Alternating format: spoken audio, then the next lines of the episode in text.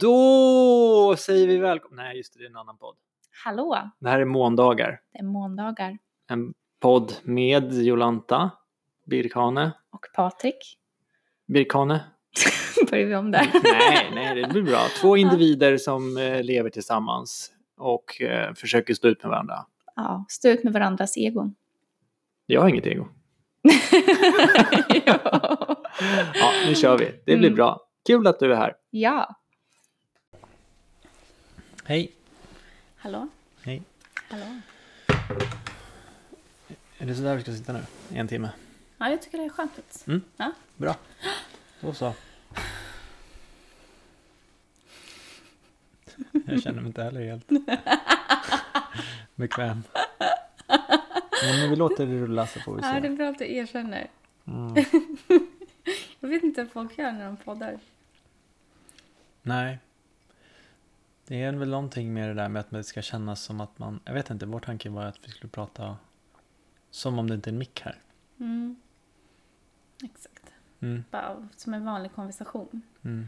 Men då får man ju... Det blir kanske för mycket sjukt. Sjukt, vad menar du? Ja, men för mycket... Alltså om man delar allt.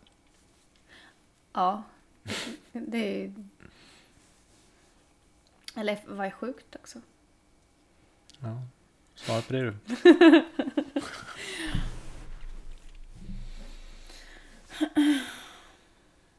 Ja, men jag kan ju börja i en ände helt enkelt. Jag har ju insett att jag är väldigt trött på att vara en duktig pojke. Jag är trött på det.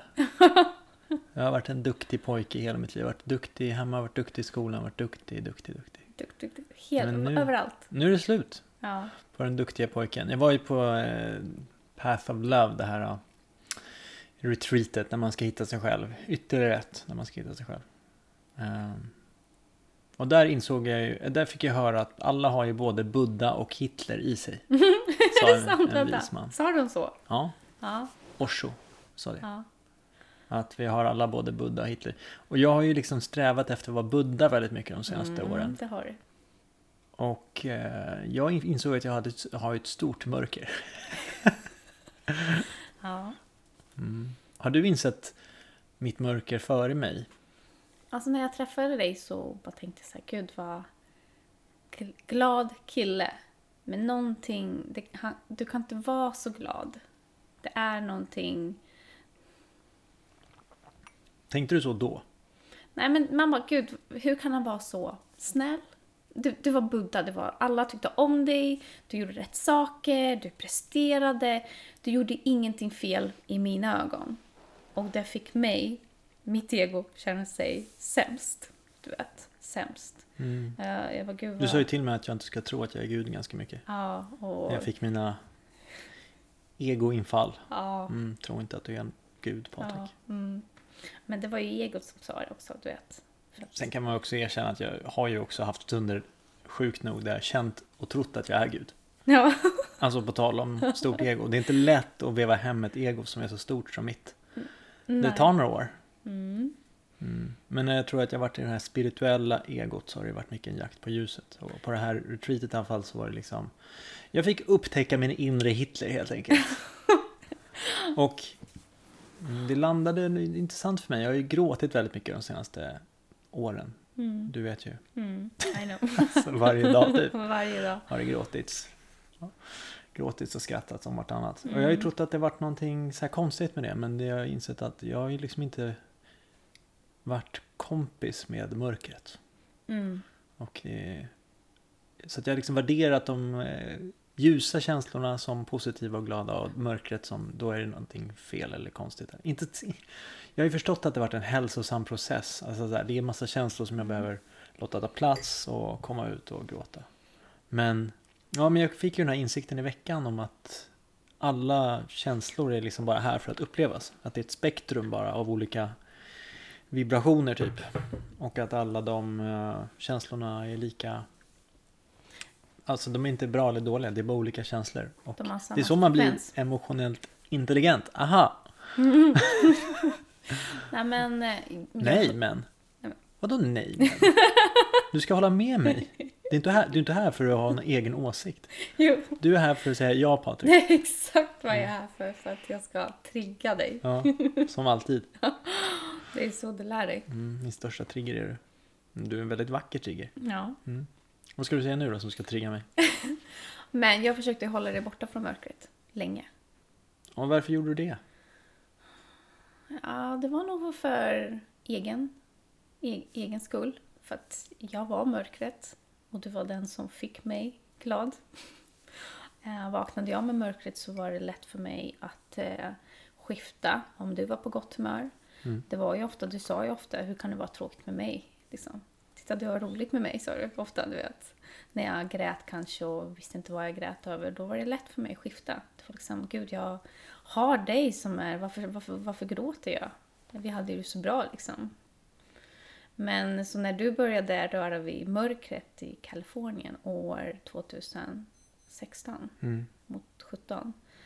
Eh, då k- kände jag att det skakade, skakade till under mina fötter. Mm, din värld Ja, skakade. Man kan väl berätta bara som lite kontext att hela den, den här processen som jag har varit i de senaste fyra åren då kom ju sig av att jag hade massa klimatångest mm, helt enkelt och insåg att jag inte har kontroll på hela världen mm, och att jag är rädd för min egen död och det är det som kickade igång allting. mm. Mm. Och det var då vi, i Big Sur som du sa de legendariska orden när jag stod och tittade ut över de här stora klipporna och vågorna som slog in och kände någon form av sån här eh, koppling till universum och naturen och världen och fick lite tårar på kinden när du kom fram och sa vad sa du för någonting? Gråter du igen? Ja, gråter du nu igen? Och det var andra gången jag hade gråtit där på... Så att- Mm. Föga visste du då att vi några år senare så skulle du liksom hålla, ha mig i famnen gråtandes varje dag. Ja. Men jag var inte bekväm. Jag hade all- liksom, det var... Jag var ju så mörk själv. Jag hade varit mörk i flera år och eh, så kom du. Sol, rulla, solen rullade in i min, mitt liv och... ehm, jag var inte van vid att någon skulle visa att den gråter överhuvudtaget. En som är ens trygghet också. Menar du män då eller? Men framförallt, min pappa har aldrig gråtit framför mig. Nej. Men jag har alltid velat ha en man som skulle kunna gråta. Vi, vara skör. Inte Mm. vara macho. Alltså så här, macho, macho, vad är macho? Men att våga... Nej men jag tror att, förlåt, men där tror jag många män kanske framförallt av den generationen, våra föräldrargeneration liksom. mm, Att eh, sårbarhet är lika med svaghet. exakt. Men att sårbarhet ju faktiskt är det Fint. omvända, att det är mod. Mm, Det är modigt att visa sig sårbar. mm. Ehm, Och det är fint. Mm. Men det förstår men man. du var rädd för ditt eget mörker, Jag var, ja, eller? Jag var rädd för... Jag var rädd för mitt eget mörker, men också jag var rädd för... Skulle du bli mörk så skulle vi bli så mörka tillsammans. Jag var rädd att vi inte skulle komma ur det på något sätt, du vet. Att det skulle bli ett svart hål för oss. Mm.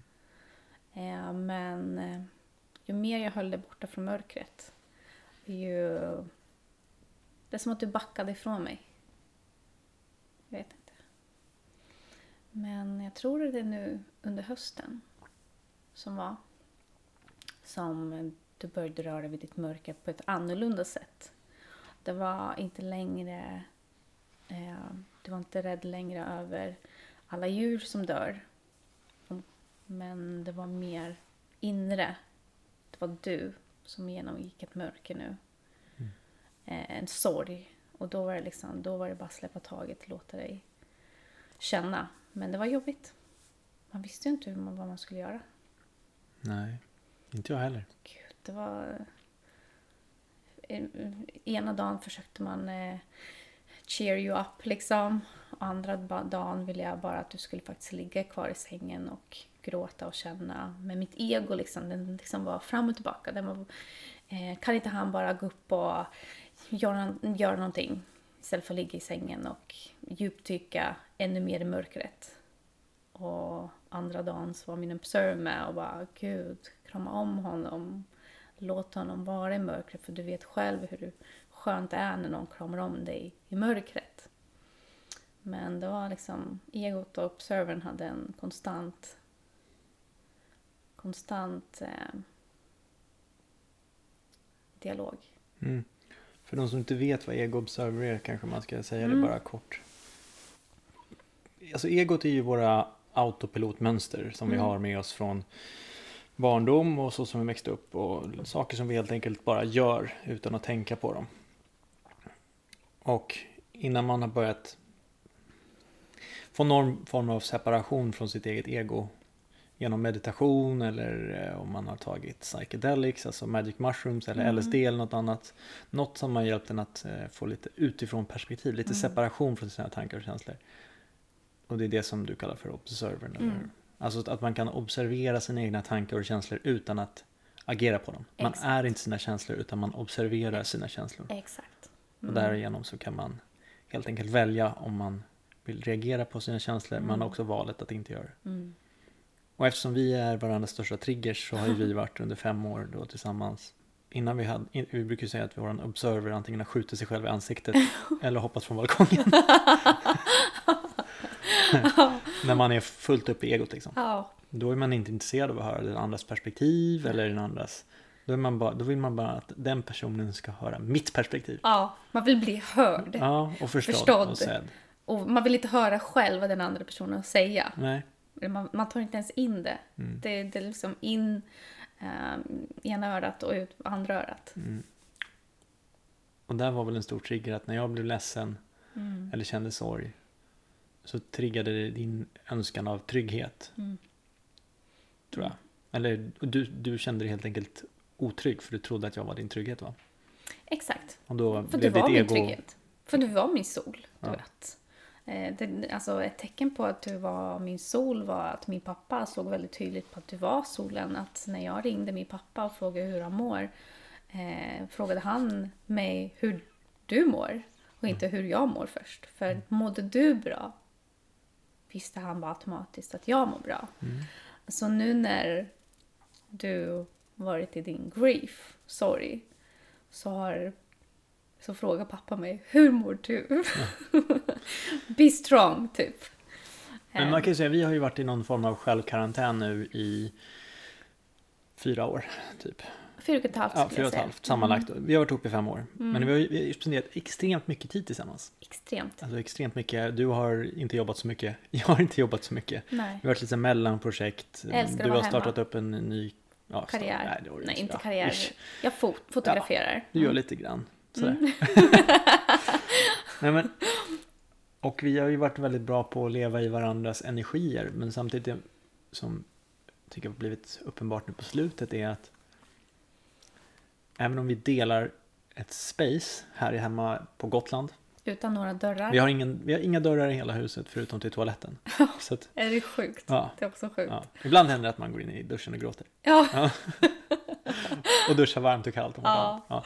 Nej, men det jag skulle säga var att vi har ju varit lite samberoende av varandras energier. Mm. Och det vi har lärt oss nu är, på slutet är mycket så här, men det är helt naturligt att behöva sitt eget space även om man Mm. ligger tillsammans, höll jag på att säga. Det gör vi också, men vi bor tillsammans. Mm. Ja. Ehm, och att inte ta på sig, du vet, att när du är, har en mugg idag, ja. att inte jag behöver lösa dig. Jag behöver Nej. inte så här, bara okej, vad behöver du? Mm. Hur kan jag vara av support? Behöver du space? Så behöver du space. Mm. Framförallt så är det ju ärligt talat jag som behöver mest space. Tror jag, av oss Eh. två. I den fasen varit nu. I den fas, fa, senaste fasen, eh, sex månader, skulle Mm. vi säga, är det du som har behövt space mer än jag. Mm. Eh, I början av vårt förhållande så- så behövde jag ganska mycket space på något sätt. Du jobbade ju, så jag, kunde ju, jag hade ju space för mig själv då. Mm. För att jag spenderade ju väldigt mycket he- tid hemma medan du var kanske ute med en kompis eller så. Eh, Men nu senast in har det ju varit du som har eh, sagt att du vill ha space och eh, för mitt eh, eh, eh, övergivna barn in a child att höra att någon behöver space eh, har- har, ju, har ju triggat mig. Jag känner mig övergiven. Liksom. Vad, vadå space? Du, du får space, som, som mitt ego. Vad, vad pratar du om? Vad, vad, vad är det för space du pratar om? Eh, så jag tog det liksom illa.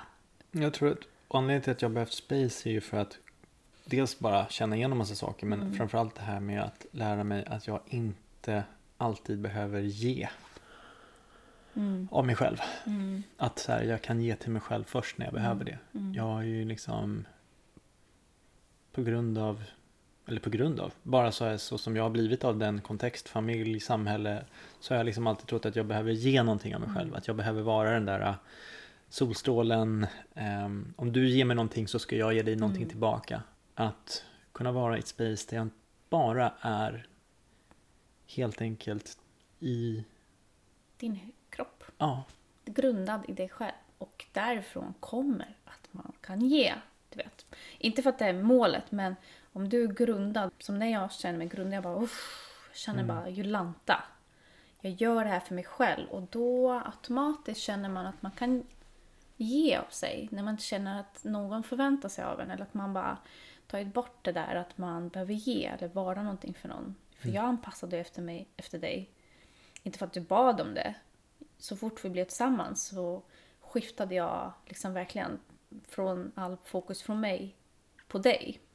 Alltså verkligen gjorde allt för att smälta in i vår eh, typ vardag eller vårt liv tillsammans. Det var ju så här, för mig var det så här att nu är det vi två.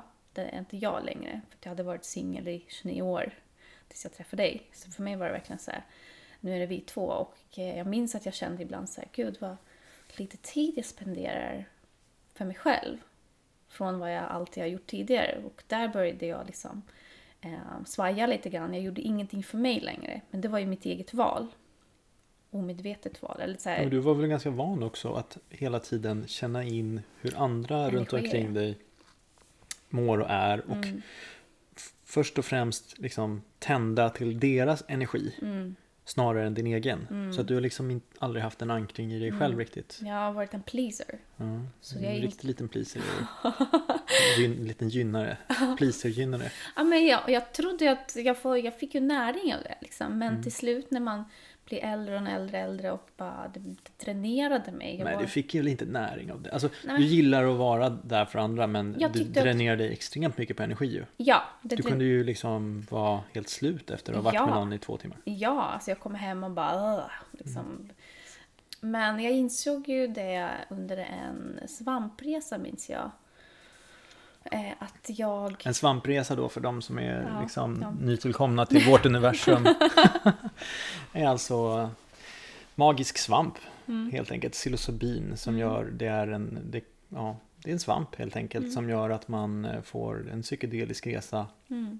Om man vill vara lite hippie kan man säga så. Vill man vara lite mer vetenskaplig så kan man säga att det är en substans som skapar neuroplasticitet, vilket är nya vägar i hjärnan. Mm, alltså Så att man så får ser jag nya på det. tankar, nya perspektiv och ja, till exempel nu i USA just nu så håller det på att fast-trackas som det enda egentligen som hjälper mot eh, kronisk depression. Mm.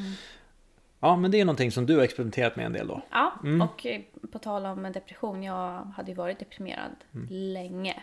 Ja, fram och tillbaka. Men så under den här svampresan så...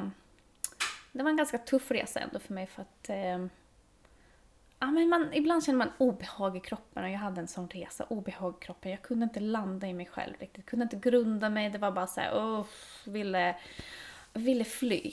Men sen så satt man, satt man med känslan, för den som går att göra under svampresor, att man bör sitta med känslan. Att acceptera Mm. oavsett vad som kommer. För att om man försöker motstå känslan, om det kommer en jobbig känsla, Mm. så kommer bara det, Bli starkare. det kommer bli som en feedback loop. Så det kommer bara, Så det var let go. ja, Så jag släppte taget och eh, upptäckte att eh, jag inte visste vem jag var. Att jag insåg att gud, jag har anpassat mig efter andra under hela mitt liv. Det har också varit ganska enkelt för dig, eller enkelt, det blev ju så tror jag. Jag är en ganska stark grundpersonlighetsego. Ja, Mm. ja. Liksom. Och det, varit liksom, in- det är lite som att du kom in i min värld ju.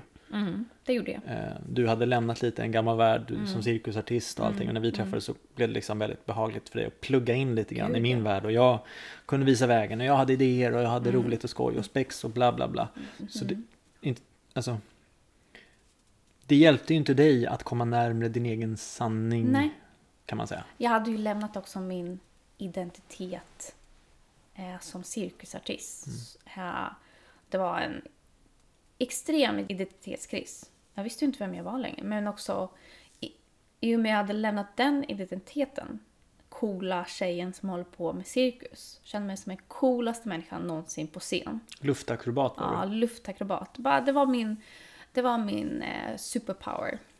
Men i- pa- jag kände att jag var färdig med det när jag var 29. Där jag var tvungen att lämna det för att jag var, kände att universum kallade mig för annat. Liksom.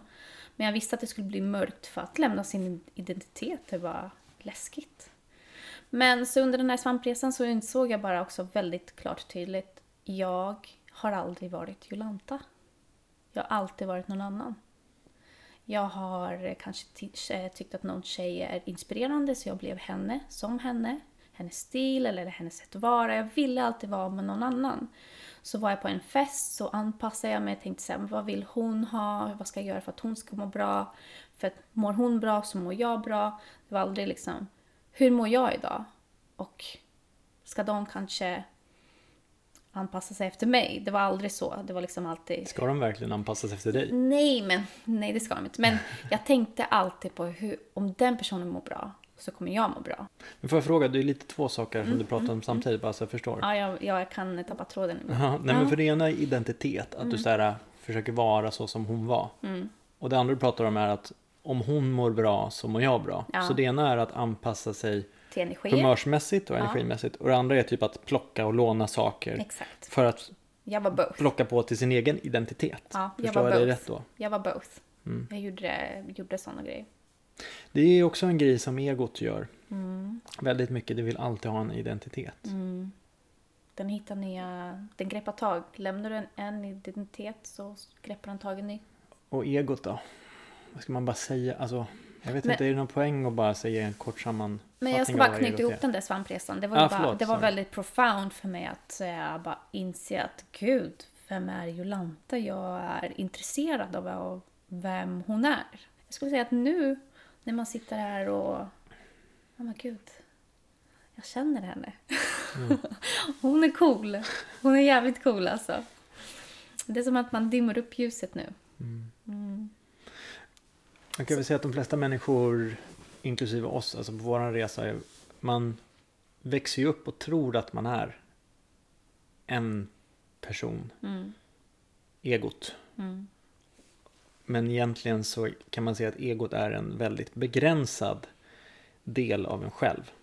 Alltså för i- det personan gör, det man gör när man är ung, är att de sakerna som uppskattas av familj och samhälle, det lär man sig att framhäva, f- för det är såklart bra för en. Och de sakerna i ens beteende som inte uppskattas eller som man får skäll för eller där man inte får uttrycka på ett fritt sätt, mm, de grejerna trycks undan mm, och blir helt enkelt undermedvetna. Och, men de är fortfarande en del av dig. Men då kommer det upp istället som omedvetna saker i drömmar eller beteenden. Eller till exempel när du, man upplever att man blir kritiserad. mm. Ehm, då är det ett tecken, om någonting är känsligt till dig när någon, Mm. en person pratar med dig och säger att kanske, ja det var när du uppträdde så här, x, y, z. Alltså. Om man känner att någonting är känsligt i en då när man får feedback, då är det ett tecken på att här finns en, en skuggsida, en omedveten sida av mig som jag inte vill kännas vid helt Ja. enkelt. För att den passar inte in i idén om mig själv. Ah, Och det är egot kan man ja, säga. exakt. Så egot är den soliga sidan av oss själva som vi visar upp, vår represent- representative som vi Mm. Ja. brukar säga. Mm. Och sen så har, du ett, har man ett stort bagage av mörker och omedvetet. Och innan man har då varit både på ljuset och mörkret, då är man kvar i den här egopersonligheten. Ja. Ja, jag vet inte om det var en bra förklaring, men någon Jo, form av... Ja, men det- jag, alltså, det, Mm. Läs på, ni som gillar, läs på Jung, eh, psykologi och sådär. Ja. Mm. Jag vet inte, ja, men man har haft många identiteter alltså. Alltså hela livet har jag haft olika identiteter. Men Jag- ska du eh, räkna upp dina? Ja, så kan du Ja, räkna upp dina räkna sen upp då. mina. Mm. Alltså min första identitet som jag kommer ihåg tydligt, alltså man var ju i skolan såklart olika sådär, men jag, i gymnasiet var första gången jag så här valde väldigt tydligt. Jag gick ju på privatskola i Sigtuna, så då var det liksom, då hade jag, då skulle jag liksom bli det här privatskolebarnet. Överklass. Jag hade page, jag hade lacoste, jag hade chinos. Alltså, ja, shit alltså, vilken kille. Ja. Och sen efter det så tror jag nog... ja, men Jag har haft lite så här... äh, Jag har haft ofta väldigt uttrycksfulla kläder. Jag hade en period där jag bara hade så här rock-t-shirts. Mm. Bon Jovi och... mm, Men mera som att de var coola tröjor än att det var kanske en hel... Sen på Handels var man, ju- skulle man ju liksom vara den smarta. Mm. Ehm, Men ändå, jag skulle vara någon form av rebell på något töntigt sätt. Var jag ju. Alltså, jag skulle inte riktigt vara som de mest finansvalpiga där. Mm. Det hade jag redan gjort på Sigtuna. Mm. Så jag trodde liksom att jag var klar med den typen av Det var också en tillhörighet. identitet. Det är bara, jag är inte som dem. Exakt, Mm. exakt. Jag är bättre. Det är exakt Jag är vad jag, bättre. exakt. Det är också en identitet. Ja. Jag är inte som dem. Jag är bättre. Jag är det här, du vet. Ja, I'm special. Egot gillar Ja. bara... Och sen har jag varit, jag har varit eh, liksom reklamare, strateg, jag hade liksom tweedkavaj, eh, sköldpaddsmönstrade Ray-Ban, eh, liksom briller. ehm. jag var med i ett reportage i Svenska Dagbladet som Stockholms Mad Men. Va? Mm. Det har du inte berättat om. Jo, jag måste, har jag inte visat den artikeln? Nej. Nej, sök på Stockholms Mad Men på internet så kommer ni få läsa skamfulla artiklar om mig. Ehm, sen flyttade jag till Berlin. Mm. Då lämnade jag ju reklamaren och den här liksom duktiga pojken. Då, jag kommer ihåg jag köpte en skinnjacka. Mm. För att så här, det här, det här är jag. Mm. Du vet. Och sen så började jag gå på, jag gjorde inte så mycket annat i Berlin egentligen. än Så här, jag blev någon form av så här Berlin-identitet. Så här, party, Du är Bella. helgparty, liksom, eh, provade alla roliga liksom, substanser som jag inte hade provat hittills i mitt liv. Ja. Eh, och så. Och jag hade en neon-mangofärgad jacka. Neonmönstrade re- re- eh, dojor från Converse. ja. Ja. ja, sen har jag haft lite olika under vår tid också. Ett tag blev jag väldigt formad av min kompis Sassan, Mm. min bästis. Mm. Hade jag Våran liksom, då hade jag bästis. bara gråa och svarta kläder. Ja. Då gick jag liksom in i att vara i hans identitet och hans värld. Och nu håller jag på att hitta tillbaks till att inte behöva vara någon identitet och till att bara vara Patrik. ja, men du har ju försökt greppa tag. Shaman har jag också haft en, lite idéer om att vara. Ja, men så Som här, identitet. jag skulle säga att du har greppat tag i många identiteter under Så. vår tid. Alltså många, det är så, här, du har hoppat verkligen till en till annan. Alltså det verkar vara varit en, en... eh, Du har ju slutat eh, väldigt många jobb under vår tid. Liksom, börjat och slutat. Alltså det, har, pro- det, var, det har varit spännande att följa liksom, när någon hade frågat så här, vad gör Patrik nu? Så man bara, men jag vet inte, alltså, ska jag berätta verkligen? För han kommer ju ha slutat det jobbet om en Mm. månad, du vet. Så här, alltid när jag träffar någon, de bara, men var inte han där? Jo, men han är nu på en ny plats. Det går väldigt snabbt för mig Väldigt snabbt för dig. att lämna saker. Du har ju varit rädd för att jag ska lämna dig också på Ja, grund av att och jag den- lämnar allting. Ja, och det har ju skapat en... Jag har ju därför greppat hårdare och hårdare i dig, vilket vi kan prata om senare liksom. Ja, men Ja, men dina identiteter då? mina identiteter, jag har inte haft så många. Men... ehm, Men du har ju, eftersom du bodde i Lettland tills du var tio så tänker jag att mm, Du har haft cirkusen som en pågående identitet, Ja, fram till- men, men du jag har ju ska också haft tänka en lite. svensk och en, en lettisk identitet. exakt. Hur har det påverkat dig att liksom spendera dina tio första år i livet i Ja. Lettland och sen komma till Sverige? Ja, men ibland eh, tycker jag ju det är jättekonstigt att prata svenska till exempel. Varför då? Jag känner, jag känner mig som en alien. Tänker du på lettiska? Nej. Och därför känns det konstigt för att jag vet ju. När jag pratar nu, när jag börjar tänka på det här, gud vad märkligt det känns för att jag är ju en lätt... Min själ är ju lettisk. Mm. Jag känner ju. Så när jag pratar på svenska är det som en annan kvinna lite grann. Det är ju nästan något annat än identitet, tänker jag. Mm. Eller det är identitet, men det är någon form av så här primalidentitet, om man ska kalla det så. För att de pratar till exempel om österländska religioner och så, att även om vi västerlänningar åker till liksom Indien och försöker liksom bli hinduer Mm. genom doktrin och religion och kultur, Mm.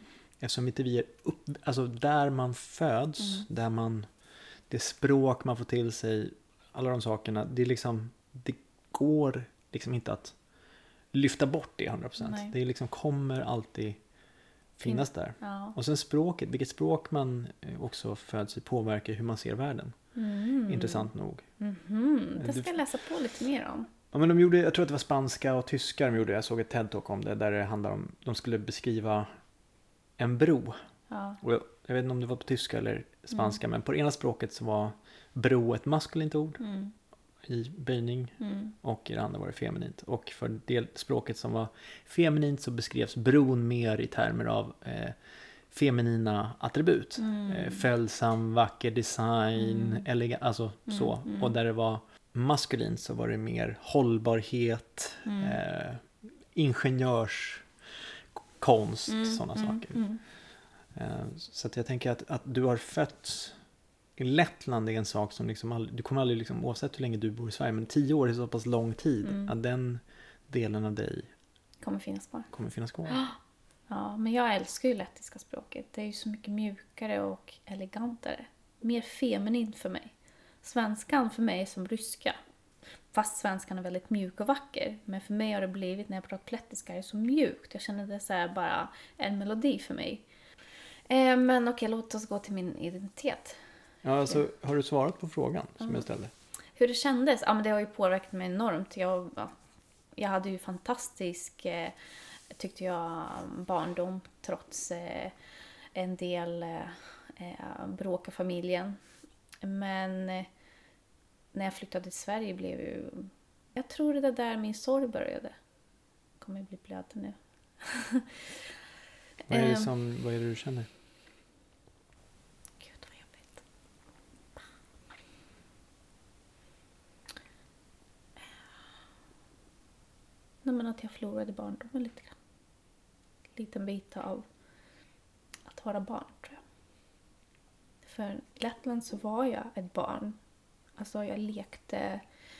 eh, Det fanns någon typ av lekfullhet. Sen när jag flyttade till Sverige så tyckte jag att det blev så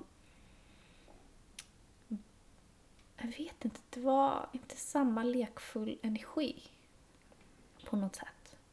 Var det där du förlorade lite, om jag försöker uttyda det? Var, alltså, så här, var det där du förlorade den barnsliga oskyldigheten?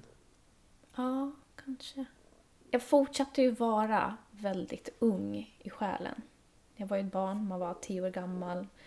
Ehm, Jag tyckte ju att alla var så coola. Som att, lite som att vuxna barn I Sverige då? eller? Ja, fyran, femman, sexan. Eh, Det var ju det där nya modet, man hade buffalos och eh, coola kläder och min, jag gick runt i en Nalle Puh sweatshirt med jeans upp till magen, eller upp till midjan. Eh, och eh, eh, ja, men jag var barn väldigt länge och blev mobbad därför. Jag höll på med cirkusen också, så jag blev mobbad naturligt. Och språket. Jag var rädd att uttrycka mig på svenska för att jag inte... sk- Hade man till exempel redovisning framför klassen muntligt så ville inte jag göra det. Jag skolkade, jag gjorde inte läxorna.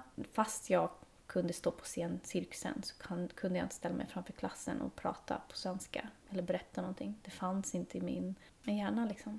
Och det tog jag med mig till gymnasiet. Jag klarade ju, klarade ju knappt högstadiet, klarade ju knappt gymnasiet. Eller jag klarade ju inte gymnasiet, jag hade ju 11 IG när jag gick ut. Mm. Alltså mitt självförtroende sjönk med 90% när vi flyttade till Sverige.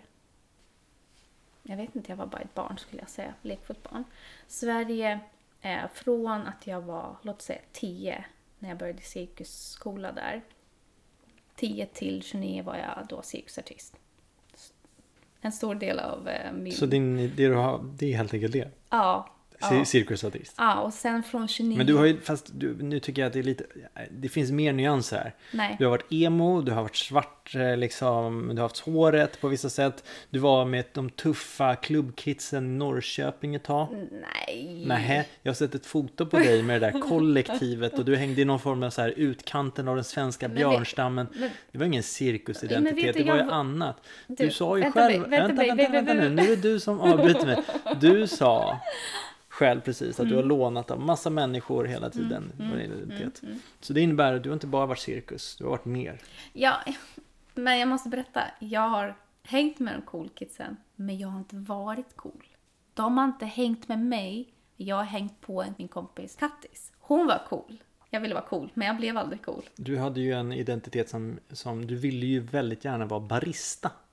Ja, Det var ju en idiot. identitet. Ja. Juicebarista. Ja, juicebarista och Mm. en identitet. Sen vill jag jobba på ka- ehm, eh, café, vill jag vara en eh, vanlig barista, eh, fotograf, också identitet. Mm.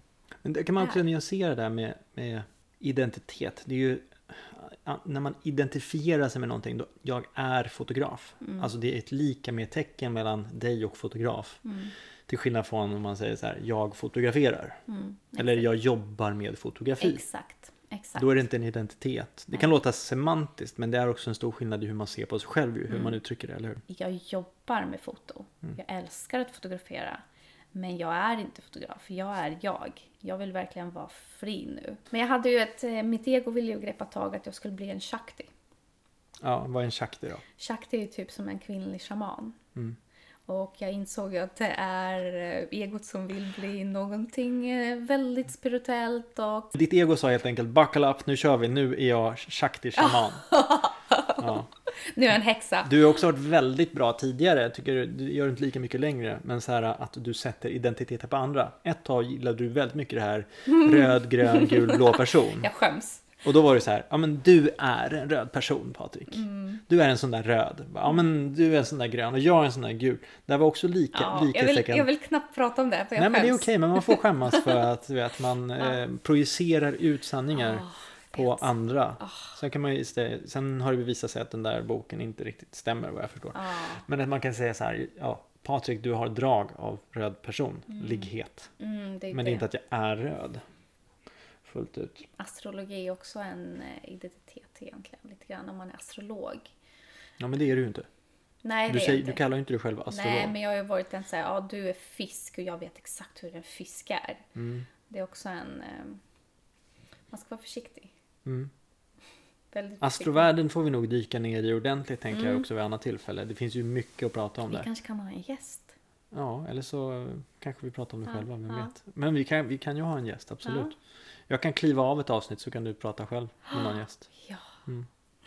Ja. Men jag tänkte att vi skulle göra en liten övning. Mm. På tal om Bli nervös. identitet då, då. Mm. Som är eh, att vi låtsas att vi har ju alla ett... Egot egentligen är ju liksom en reflektion av det lilla barnets omötta behov. Mm. Så jag tänker att vi ska kanske göra en övning där vi... Om jag tittar på dig som lilla Jolanta och beskriver lilla Jolanta. Mm. Mm. Och det jag ser i lilla Jolanta. Och sen kanske du fyller på. Mm. Om så här, hur det känns. Mm. Mm. Och sen kan vi pröva att göra det omvända. Ja, Är du med på det? ja, kör. Jolanting. Som säger. Lilla Jolanta på lettiska för er Johan. icke-lettiska lyssnare där ute. Mm, Johan, Tinja. Okej. När jag ser på dig som det, den lilla Jolanta så ser jag en tjej som ser en magisk värld runt om sig. Full av spännande saker och upptäcka och massor av saker att känna.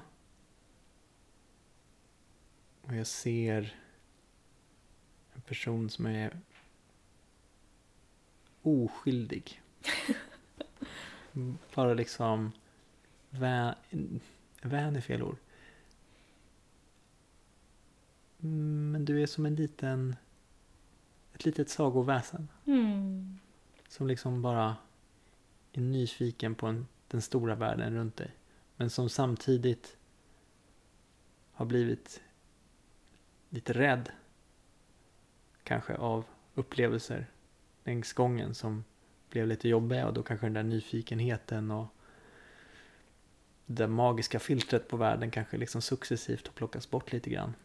För att nu börjat återupptäckas igen men Mm.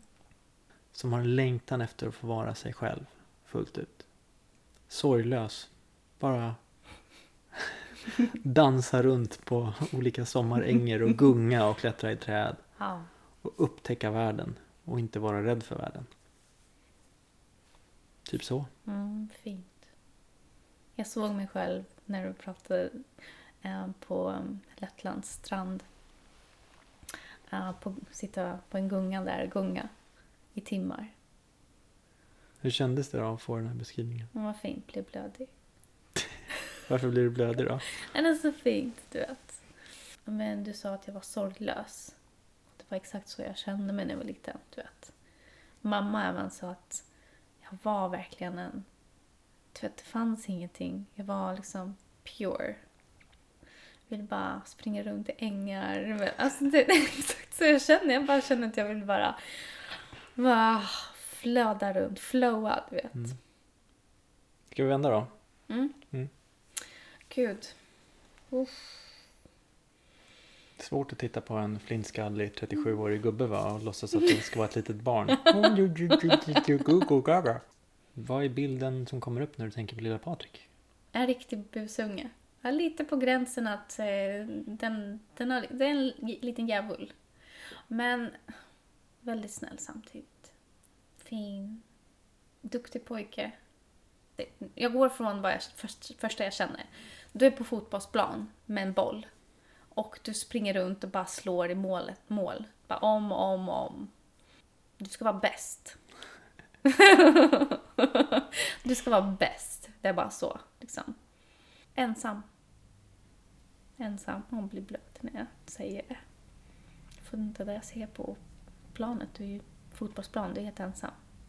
Ja, jag ser inte dig leka med någon. Eh, lite som att vuxna är de som guidar dig. In- Jag ser inte den som springer runt i, på en äng med armarna i luften och snurrar. Jag ser inte det. Jag ser prestation. Men eftersom jag har sett en bild, flera bilder på dig med blont hår och alltså min drömkille. Alltså när jag var, flyttade till Sverige, jag bara jag vill ha en blond kille. Ja, jag, hade, jag var ju eh, i mina heydays, Mm. prime där mellan 6 och 8 år, alltså prime, men Mm. då hade jag ju verkligen rågblont hår och eh, hockeyfrissa. Mm, Långt i nacken och mm, stubb uppe på. mm. Business in the front, party in the back. Men liksom, du, du, du, är så- du är så fin inuti, men du är liksom... Det egot som prestation som äger dig. Mm. Ja, men det känns... Jag vet inte varför jag ser bara fotbollsplan. Jag ser bara ett plan. Jag spelade ju jättemycket fotboll när jag var liten. Mm. Så var det ju. Och det är ju någonting med, med, med mig. Oavsett om det liksom är den själen som kom in i den här kroppen eller om det är någonting i min uppväxt som Mm. har gjort att jag har trott att jag behöver klara allting själv. Mm. Och prestera. Liksom. Väldigt prestationsbaserad identitet. Väldigt Mm. mycket planera in i framtiden har jag varit. Mm. Att Som att jag ska klura ut hela världen och rädda hela världen också Mm. på egen hand. Det har varit ett väldigt stort, eh, tungt ok Mm. att, att bära har det ju varit. Mm. Det är ju liksom inte förrän senaste veckorna Mm. som jag har liksom faktiskt så här tillåtit mig själv att dela bördan. Mm. På riktigt, verkligen. Mm. För mitt hjärta har varit så omstängt med lager av rädsla och ångest och annat som har gjort att... Ja, för att hjärt... mitt ego har trott att mitt hjärta är säkrast eh, för sig själv, Mm. helt enkelt. En som är stark, har jag tänkt. Exakt. Eller inte tänkt, det, är bara, det Ah, Nej, har men funnits det har bara varit auto, auto. autoprogrammeringen har Mm. varit en som är stark och jag ska klara allting själv och jag behöver ingen. Mm. Och det tror jag i och för sig jag delar med väldigt många män, Mm. faktiskt. Mm. Ehm. När jag var på Path of Love eh, och utforskade här så sa de att har man haft eh, emotionellt otillgängliga fadersfigurer i sitt liv så är det just konsekvensen blir att man har inte riktigt blivit visad världen på ett tryggt sätt. Nej. Visad ut i världen på ett Mm. tryggt sätt. Mm. Och då tror man att man behöver lösa allting själv. Mm. Och jag har ju insett att jag... Det var en person på Path of Love som sa det i min grupp som sa när jag tittar på dig Patrik så ser jag en rädd liten pojke. Mm. Ehm, och Oj. först när hon sa det så jag tog inte till mig som någon form av kritik utan bara så här, intressant. Under veckan så insåg jag att det var så. Att det- Det är delar av mig som fortfarande är en rädd liten pojke som Mm. tror att han behöver klura ut hela världen själv. Mm. Eller det är autopiloten. Men nu håller vi ju på liksom och... Eh, Eller jag håller på att släppa lite på de murarna ju. Håller på Mm. att tillåta mig själv att du kan få vara min trygghet. Mm. Du till- tillåter dig själv vara sårbar. Ja, och det gör ju att den där ja, prestationsångesten börjar. Men man kan inte... Jag trodde att jag kan göra allting själv och klara ut allting själv. Och det går inte till sist. Alltså you've been Precis. acting like it på riktigt i fem år. Vi var tillsammans. Alltså det var så här, ja, mamma Patrik har klarat allting. Mamma, pappa, oroa dig inte på- över Patrik, han klarar Du vet, du känner, du vet. Men du vet för att det är ju vad du har utstrålat. Mm. Eh, Men det är också den typiska, den arketypiska manliga resan ju. mm, I alla former av historier så ska mannen, eller pojken, mm, gå ner i djupet, i mörkret eller långt bort till ett främmande land. mm, Och dräpa draken eller ormen eller liksom. Och någon form av transformation ska därmed ske från pojke till man. mm, mm. Man on the Moon till exempel, den filmen handlar ju om Neil Armstrong tror jag det är. Han har en fru hemma han har, som älskar honom. Mm. De har förlorat ett barn. Han flyr från det men han, liksom, han ska conquer liksom, genom att sätta ner den här flaggan på månen. Och när han står på månen han släpper ett armband som minne av den här barnet som de har som har gått bort. Och han har behövt ta sig hela vägen dit Ja. för att inse att hemma redan finns Ja, den kvinnliga kärleken. Så här. Men det är någonting med att vi män tror att vi behöver bevisa någonting för oss själva innan vi är värdiga att ta emot kärlek. mm, Eh, och Det är väl den resan som jag är på också antar jag, som alla andra. mm. Men det krävs av oss kvinnor också att eh, släppa taget. Inte kräva... ehm, ehm, Inte hålla ner oss. Nej, inte hålla ner och, Villkorslös kärlek. ja, och in, ja, låta er vara fria. Mm. De flesta människor tror jag inte... De flesta människor. Låt oss säga så här istället. Jag tror att bilden allmänhet av vad kärlek är. Många lever i en idé av Mm. vad kärlek är. Att man ska, det är en exklusiv riktad strålning av Mm. kärlek. Du tycker om, bara om mig. Och när Mm. jag ger dig någonting så ska jag få någonting tillbaks av dig. Och Ja. det är också en, en bild av kärlek som jag har vuxit upp med mycket. Och jag med. Eh, Att så här, och därför har det varit svårt för mig att jag har alltid kunnat, när jag har känt mig sexig eller expanderad så har jag kunnat ge dig kärlek och vi har kunnat vara intima. Men när du har velat komma och ge mig kärlek Mm. så har jag upplevt det som att du är needy eller att du vill ha någonting av mig. Och du har kommit tillbaka till det här med space, att så här, jag har behövt känna att jag inte behöver ge dig någonting. Ja. För att kunna känna mig trygg i att kunna ge mig själv först och sen kunna ge till dig. Men att det inte finns en förväntan om någonting från, Mm. från dig. Men eh, det är våran resa. Det är våran resa. Mm. Ska vi runda där eller? Ja, en vi rundar. timme ungefär har vi Ja. hållit på. Det blir bra. Ja. Första. Ja. Hej då! Ja, det var väl okej. Första samtal.